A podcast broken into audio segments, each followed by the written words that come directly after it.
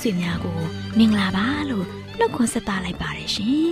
တော်တာရှင်များရှင်ခရစ်နှစ်2022ခုနှစ်အောက်တိုဘာလ10ရက်မြန်မာတက္ကီ1384ခုနှစ်တရင်ကျော်လဆုတ်တရက်တနင်္လာနေ့မျောလင့်ချင်းတန်မြမာစီစဉ်များကိုစတင်တန်လွှင့်နေပါတယ်ရှင်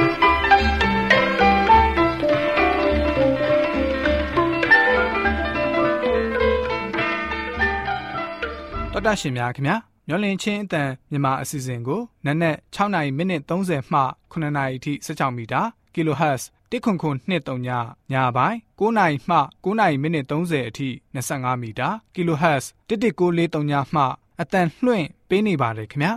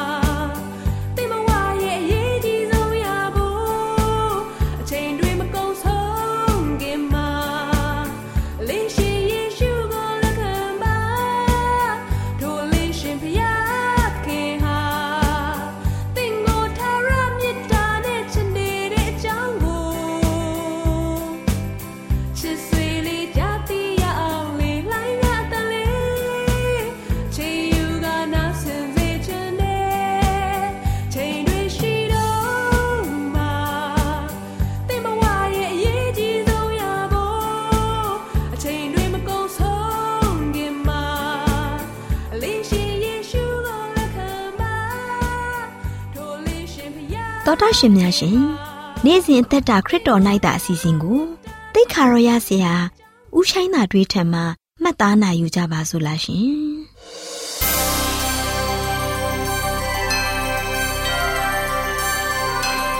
ချစ်ခင်လေးစားအပ်ပါသောချစ်တော်ရရှင်ဓမ္မမိတ်ဆွေညီကိုမောင်နှမများအားလုံးမင်္ဂလာပေါင်းနဲ့ပြည့်စုံကြပြီး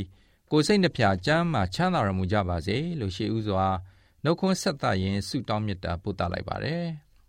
အခုချိန်မှာနေ့စဉ်အသက်တာခရစ်တော်၌သာအစီအစဉ်ရောက်ရှိလာပြီးဖြစ်တဲ့အတွက်ကျွန်ုပ်တို့ဤပကြီးပြကံဆိုတဲ့ခေါင်းစဉ်နဲ့ဓမ္မမိတ်ဆွေများအားလုံးအတွက်ဝိညာဉ်ခွန်အားရရှိဖို့ရန်အားပေးတိုက်တွန်းသွားခြင်းပါတယ်။ရှေးဥစွာကျမ်းစာတော်များတပိုက်ကိုဖတ်ပြခြင်းပါတယ်။ဘယ်မှာတွေ့နိုင်တယ်လဲဆိုရင်စာလံကျမ်းအခန်းကြီး16အငယ်1ကနေ4ထဲမှာဖြစ်ပါတယ်ဘယ်လိုဖော်ပြထားတယ်လဲဆိုတော့ မိုးကောင်းငင်သည်ဖျားသခင်ဘုံအသေးတော်ကိုကြားပြော၍မိုးမျက်နှာကျက်သည်လက်တော်နှင့်လှုပ်သောအရာများကို ပြသ၏တနေ့ကိုတနေ့မွဲ့ဆို၍တညကိုတညသွန်သင်၏နှုတ်မွဲ့ခြင်းစကားပြောခြင်းမရှိ သူတို့နှုတ်ထွက်သံကိုမကြားရတော့လဲသူတို့၏အသံသည်မြေတပြင်လုံး၌နှံ့ပြား၍သူတို့၏စကားသည် မြေကြီးစွန်းတိုင်အောင် ရောက်လေ၏ဆိုပြီးဖော်ပြထားပါတယ်ချစ်တော်ရရှင်ပေါင်းတို့ခင်ဗျာ ဒီကနေ့ကျွန်တော်တို့ရဲ့မျက်စိနဲ့တွေ့မြင်နေရတဲ့ကဘာမြေကြီးဒီစကြဝဠာတစ်ခုလုံးမှာရှိရှိသမျှအရာအလုံးဟာဖန်ဆင်းရှင်ဖျားသခင်ကနေဖန်ဆင်းထားပြီးအဲ့ဒီအရာတွေအလုံးကိုတဘာဝစာအုပ်ကြီးလို့ခေါ်ဆိုရမှာဖြစ်ပါတယ်။တနည်းအားဖြင့်ပျောက်ဆုံးနေတဲ့လူသားတနွယ်လုံးအတွက်ဒုတိယတမန်ကျမ်းစာပဲဖြစ်ပါတယ်ခင်ဗျာ။ချစ်တော်ရရှင်ပေါင်းတို့ခင်ဗျာ မြမပြည်မှာပြန်ကြည့်ရင်အင်မတန်မှလှပတဲ့ရှုမျောခင်းတွေဟာအများကြီးပဲရှိနေပါတယ်။အထူးသဖြင့်ရှမ်းပြည်တောင်ပိုင်းတောင်ကြီးမြို့ရဲ့ပတ်ဝန်းကျင်ဒေသတွေမှာတော့ထင်းယူတော်တွေနဲ့ညိုမိုင်းနေတဲ့တောင်တန်းပြာကြီးတွေကို ရှုမောရသလိုအေယာမကန်ကြီးဖြစ်တဲ့အေးလေးကံမှာတော့ကျွန်းမျောတွေနဲ့ဝေဝေဆာဆာသီးပွင့်နေကြတဲ့ဟင်းသီးဟင်းရွက်စိုက်ခင်းတွေလေကိုမနာတမ်းခြေထောက်နဲ့ရက်ခတ်နေတဲ့ လေသမားတွေကိုလေ့လာကြည့်ရှုရမှာဖြစ်ပါတယ်။တနစ်တာတနစ်တာရဲ့နနက်ခင်းအချိန်မှာအရှိဘက်တောင်တန်းတွေစီကနေပြူထွက်လာတဲ့နေမင်းကြီးရဲ့ရောင်ချီကြောင့်ကန်းဆက်မှာရှိနေတဲ့ထင်ယူပင်တွေကမွီးပင်တွေရဲ့အရိပ်တွေဟာထင်ဟပ်နေတာမို့ငိမ်သက်နေတဲ့ကံရည်ပင်ဟာမန်ကျေးမုံလိုအရိပ်ထင်ဟပ်နေပါတယ်။အဲဒါကိုကြည့်ရှုပြီးဖျားပေးထားတဲ့သဘာဝစာအုပ်ကြီးအတွက် ဖျားသခင်ကိုကျေးဇူးတင်စရာကောင်းလာပါတယ်။ချစ်တော်ရရှင်ပေါင်းတို့ခင်ဗျာခုနတော့ဖတ်သွားခဲ့တဲ့အဖွင့်ကြမ်းချက်အနေနဲ့တော့တဘာဝအလှဖော်ဆောင်တဲ့နေရာမှာပိုပြီးကျေပြန့်မှုရှိတာကို တွေ့ရှိရပါတယ်။အဲ့ဒီအချက်အလက်ဟာအရေးအသားတက်တက်မဟုတ်ပါဘူး။မှတ်တမ်းဝင်တဘာဝတရားတွေပဲဖြစ်ကြပါတယ်။အထူးသဖြင့်တောင်ကြီးတောင်ငယ်အသွဲသွဲတွေဟာဖျားသခင်တကိုးရှင်ရှိကြောင်းလူသားတွေကို တိတာစေသလို ကောင်းကင်ပြင်တလွားမှာမြင်တွေ့နေရတဲ့ကျယ်စုတွေဂျိုစုတွေဟာလည်းပဲဖျားသခင်ရဲ့အသံတော်ကို ထင်ရှားဖော်ပြနေတာကို တွေ့ရှိရပါတယ်။ချစ်တော်ရရှင်ပေါင်းတို့ခင်ဗျာဒါဝိမင်းကြီးအနေနဲ့လည်းကောင်းကင်ပြင်ကြီးကို တူရိယာတေးသန္တာရဲ့လို့အထုဖွဲ့နဲ့ရေးသားပြောဆိုခဲ့ပါတယ်။ကျေတာယာစုတွေထက်ကငကုံငွေလန်းလို့အမည်ပေးခြင်းခံရတဲ့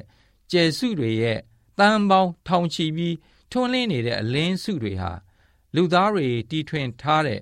ဗာမိပန်းနဲ့မြနိုင်စာလို့မရနိုင်ပါဘူးခင်ဗျာနောက်ပြီးညအခါလတ်တာတဲ့အချိန်မှာကောင်းကင်ယံမှာပျောင်လောင်ပြေးလွှားပြီးစိန်ပြေးတန်းကစားနေကြတဲ့တိမ်မြင်တွေရဲ့နောက်ွယ်မှာတည်ငြိမ်ရင့်ကျက်တဲ့အသွင်မျိုးနဲ့တူတူပုံနှန်းကစားနေကြတဲ့ကျေတာယာတွေနဲ့ဖိုးလာမင်းကြီးကို ငေးမောရှုမြင်ရတာဟာဖြင့်အဘယ်မည်သော လူဘုံရောင်ကမြမရှင်းနိုင်ပါဘူးခင်ဗျာချစ်တော်ရရှင်ပေါင်းတို့ခင်ဗျာညအခါမှာလင်းရင်ပြန်နဲ့ခီးသွားတဲ့အချိန်ခါမှာလဲကောင်းကင်ယံရဲ့ညအလှဟာရှုမကြီးအောင်စိတ်အာယုံမှာဆွဲကြံရစ်နေတတ်ပါတယ်တိမ်တောင်တိမ်လိပ်တွေထဲပုံရှုပျောက်ကွယ်သွားတဲ့နေမင်းရဲ့ရောင်ချီအမျိုးမျိုးတိမ်ပင်လေပင်ကြီးကိုလာရောင်ဆန်းလို့ ရောင်ပြန်ဟတ်တဲ့ရောင်ကြီးတွေကောင်းကင်ပြားတစ်ခွင်မှာ မိတ်တုပ်မိတ်တုပ်နဲ့လင်းပနေတဲ့စိန်တုံးတာယာတွေဟာကျွန်တော်တို့ရဲ့စိတ်အာယုံပကြီးခန်းမှာမေ့ပြောက်လို့မရနိုင်ပါဘူး။ဒါကြောင့်ကျွန်တော်တို့လူသားတွေအနေနဲ့တခါတရံမှာဖះမရှိပါဘူး။ဖះရဲ့မေတ္တာတော်ဟာငါတို့အပေါ်မှာလွန်သွားပါပြီလို့တန်တရားဝင်လာတဲ့အချိန်တိုင်းမှာကျွန်တော်တို့ရဲ့မျက်စိရှေ့မှာမြင်တွေ့နေရတဲ့ တဘာဝစာအုပ်ကြီးကိုဖွင့်ကြည့်ပြီးဖန်ဆင်းရှင်ဖျားသခင်ကိုပြန်ပြီးသတိရဖို့အားပေးတိုက်တွန်းချင်ပါတယ်။ချစ်တော်ရရှင်ပေါင်းတို့ခင်ဗျာဖျားသခင်ရဲ့ဖန်ဆင်းရာတွေကိုနှလုံးမတွေ့နိုင်တဲ့သူဟာဖျားရှင်ကိုတော်တိုင်ကိုလည်းဂယုဆိုင်မှာမဟုတ်ပါဘူးခင်ဗျာ။ဒါကြောင့်တဘာဝတရားမှာအချိန်ယူမွေ့လျော်ရင်းဖျားရှင်ကိုကျေးဇူးတင်ချီးမွမ်းကြပါစို့လားမိတ်ဆွေ ဒါကြောင့်ကျွန်တော်ကျမတို့ရဲ့အသက်တာမှာအိုးအဖဖျားကိုရရှင်သည်အရာခတ်သိမ်းအလုံးစုံကိုဖန်ဆင်းပိုင်သအုပ်ဆိုးတော်မူသောဖျားရှင်ဖြစ်ကြောင်းကို အမြဲတမ်းသိရှိနိုင်ဖို့ကိုရရှင်ဖန်ဆင်းထားသောအရာများအားဖြင့်သိမြင်စေတော်မူပါအာမင်ဆိုပြီးဆုတောင်းကြပါစို့ချစ်တော်ရရှင်ဓမ္မမိတ်ဆွေညီကိုမောင်နှမတူစီအပေါ်မှာဖျားသခင်ထံမှာကောင်းကြီးမင်္ဂလာဖျားဖျားကြားရောက်သည်သာမက နေ့စဉ်အသက်တာမှာခရစ်တော်ဖျားကိုအားကိုးယုံကြည်ခြင်းအပြင်အောင်မြင်သောသူအရောက်တိုင်းဖြစ်နိုင်ကြပါစေ။။နောက်တစ်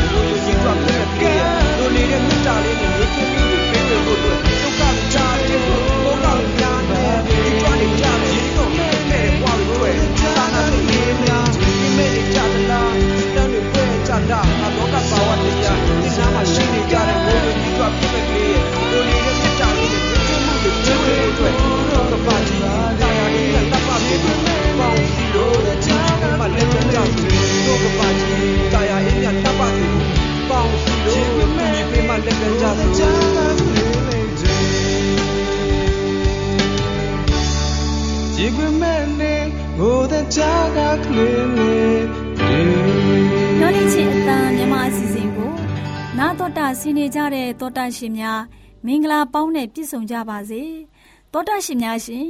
လူတဦးတယောက်ရဲ့အသက်တာမှာတွေ့ကြုံရတဲ့အတွေ့အကြုံအဖြစ်အပျက်တွေဟာ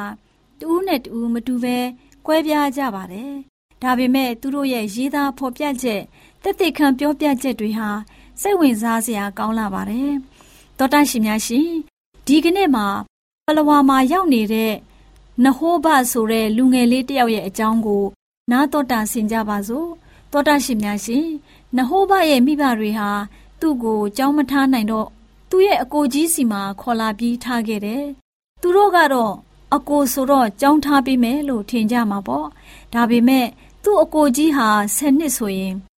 သူနဲ့အတူတူအလှုပ်လှုပ်လို့ရပြီ။ဒါကြောင့်ကြောင်းထုတ်လိုက်ပြီးတော့အလှုပ်လှုပ်ခိုင်းတယ်။နဟောဘဟာသူ့အကိုကြီးနဲ့မနေချင်ဘူး။သူ့အကိုကြီးရဲ့ချင်းချောက်တဲ့အတန်ကို နေ့တိုင်းကြားနေရတယ်။ဒါကြောင့် အိမ်ပြန်ခြင်းတဲ့စိတ်လည်းမရှိဘဲဖြစ်နေတယ်။ဟင်းဒီဟင်းရွက်ကိုလိုက်ရောင်းရတယ်။လိုအပ်တဲ့အတိုင်းအတာအထိဝင်ငွေမရရင်ကျိန်မောင်ဆူဆဲရိုက်နှက်ခြင်းလဲခံရပါသေးတယ်။အိမ်ကနေထွက်ပြေးလို့လဲမထွက်ပြေးရဲပဲမျောလင့်ချက်ကင်းမြင့်နေတဲ့ဘဝမှာရှိနေပါတယ်။ဒါပေမဲ့နဟိုးဘဟာ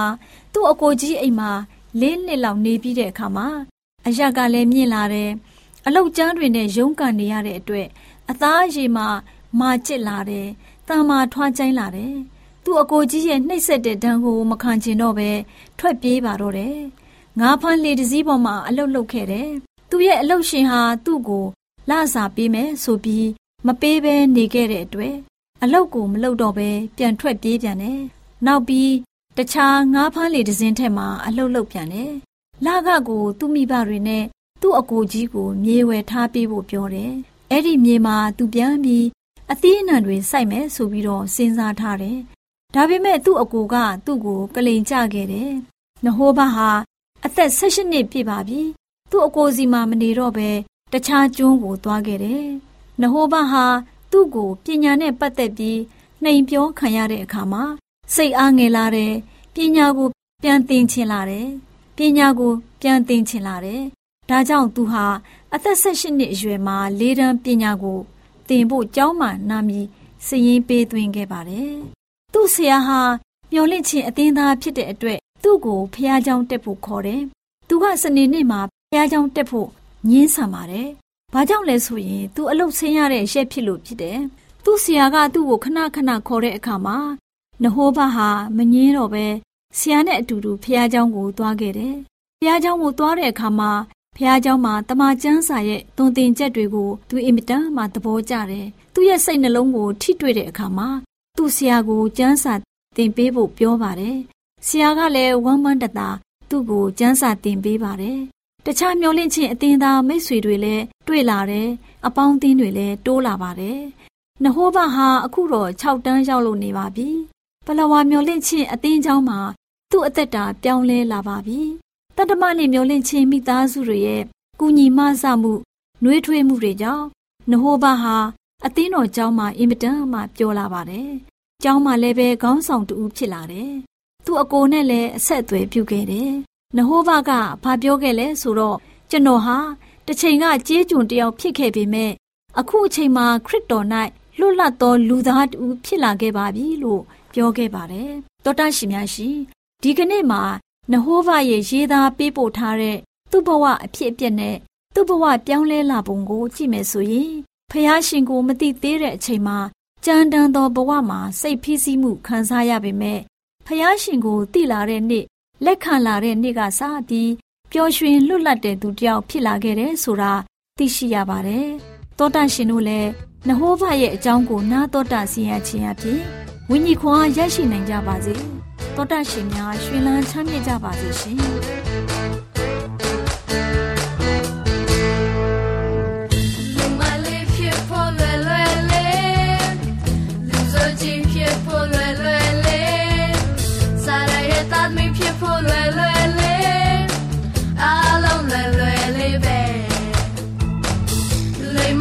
ဖြစ်ဖို့လွယ်လွယ်လေးလိ မ္မာတဲ့က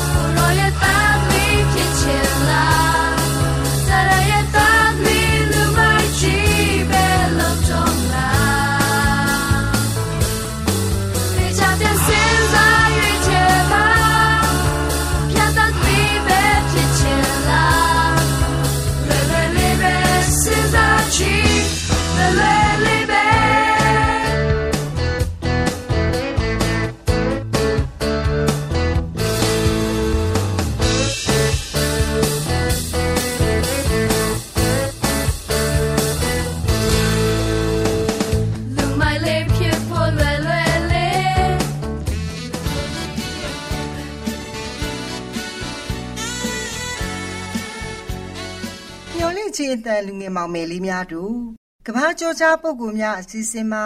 လေးစားတူယူပွဲကဘာစာဆိုကြီးများနဲ့အခြားပုဂ္ဂိုလ်ကျော်ကြီးများအကြောင်းကို တင်ပြပေးသွားမှာဖြစ်ပါတယ်။ယနေ့လူငယ်မောင်မယ်လေးတို့အတွက်အတူယူပြီးဘဝခွန်အားဖြစ်စေမဲ့ပုဂ္ဂိုလ်ကြီးကတော့မာဂျလန်ရဲ့အကြောင်းပဲဖြစ်ပါတယ်ကွယ်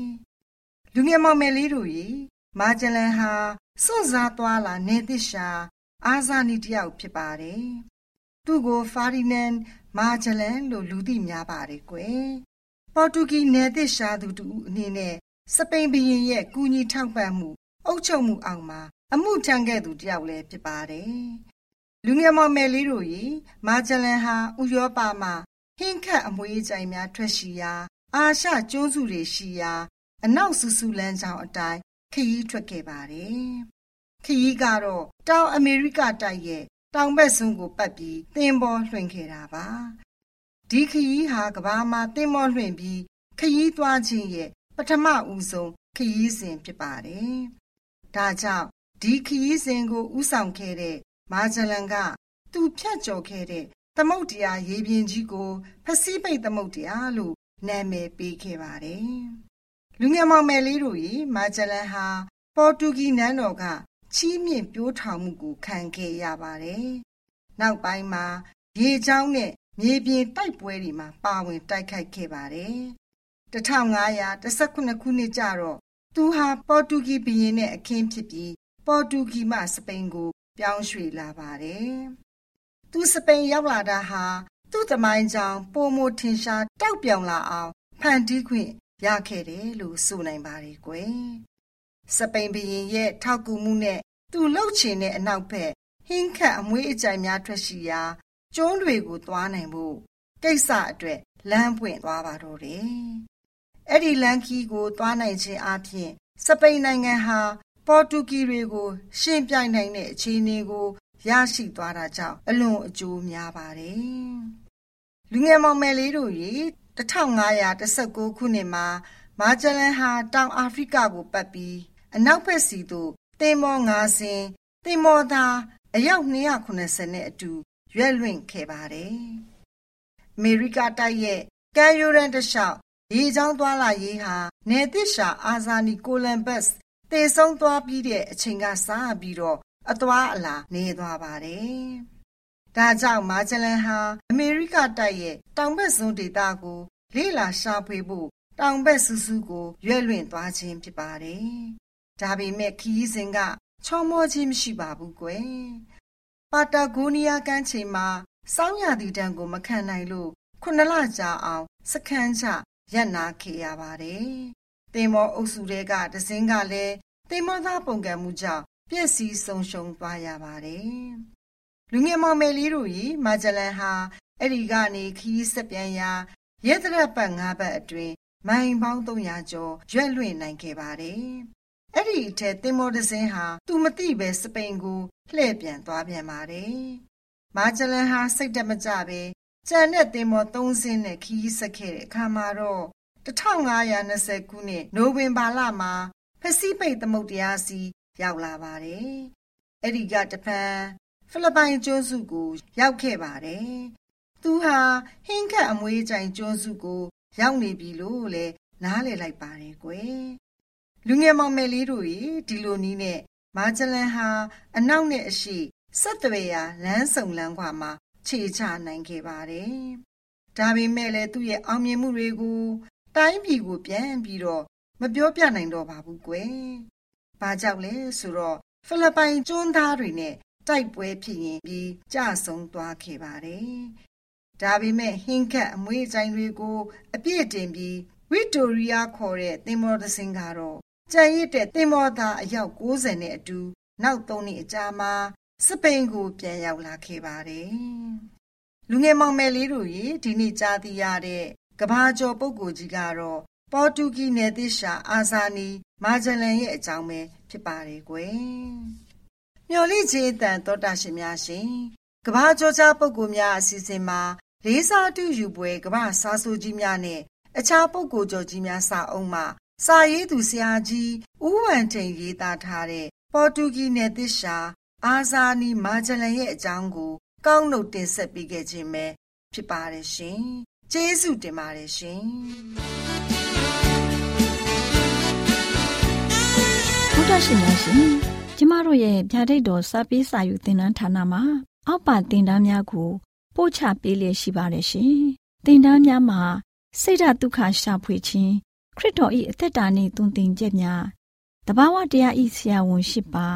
ကျမ်းမာခြင်းနဲ့အသက်ရှည်ခြင်းသင်နဲ့တင့်ကြမာရေးရှားဖွေတွေ့ရှိခြင်းလမ်းညွန်သင်ခန်းစာများဖြစ်ပါရဲ့ရှင်။သင်တန်းအလုံးဟာ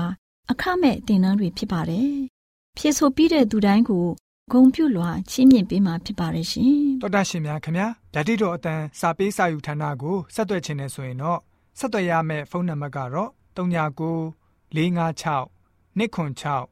336နဲ့39 98 316 694ကိုဆက်သွင်းနိုင်ပါတယ်။ဒါ့အပြင်အတန်းစာပေးစာဥထာဏာကိုအီးမေးလ်နဲ့ဆက်သွယ်ခြင်းနဲ့ဆိုရင်တော့ l a l r a w n g b a w l a @gmail.com ကိုဆက်သွင်းနိုင်ပါတယ်။ဒါ့အပြင်အတန်းစာပေးစာဥထာဏာကို Facebook နဲ့ဆက်သွယ်ခြင်းနဲ့ဆိုရင်တော့ s o e s a n d a r Facebook အကောင့်မှာ ဆက်သွင်းနိုင်ပါတယ်။ AWR မျော်လင့်ခြင်းအတန်ကိုအားပေးနေတယ်တော်တာရှင်များရှင်မျော်လင့်ခြင်းအတန်မှာအကြောင်းအရာတွေကိုပုံမသိရှိပြီးဖုန်းနဲ့ဆက်သွယ်လိုပါက39 2939 3926ခွန်45နောက်ထပ်ဖုန်းတစ်လုံးအနေနဲ့39 688 464 48ခွန်ကိုဆက်သွယ်နိုင်ပါတယ်ရှင် AWR မျော်လင့်ခြင်းအတန်ကို Facebook နဲ့ဆက်သွယ်ခြင်းနဲ့ဆိုရင်တော့ AWR ရန်ကုန် Facebook Page မှာဆက်သွယ်နိုင်ပါတယ်ခင်ဗျာ အင်တာနက်ကနေမျော်လင့်ခြင်းအတန်ရေဒီယိုအစီအစဉ်တွေကိုနားထောင်ခြင်းနဲ့ဆိုရင်တော့ website လိပ်စာကတော့ www.awr.org ဖြစ်ပါတယ်ခင်ဗျာတော်တာရှင်များရှင် KSTA အာကခွန်ကျွန်းမှာ AWR မျိုးလင့်ချင်းအတံမြန်မာအစီအစဉ်များကိုအတံလွှင့်ခဲ့ခြင်းဖြစ်ပါတယ်ရှင် AWR မျိုးလင့်ချင်းအတံကိုနာတော်တာဆင် gay ကြတော့တောတာရှင်အရောက်တိုင်းပေါ်မှာဖျားသခင်ရဲ့ကြွယ်ဝစွာသောကောင်းကြီးမင်္ဂလာတက်ရောက်ပါစေ။ ကိုစိတ်နှဖျားကျမ်းမာရွှင်လန်းကြပါစေကျေးဇူးတင်ပါတယ်ခင်ဗျာ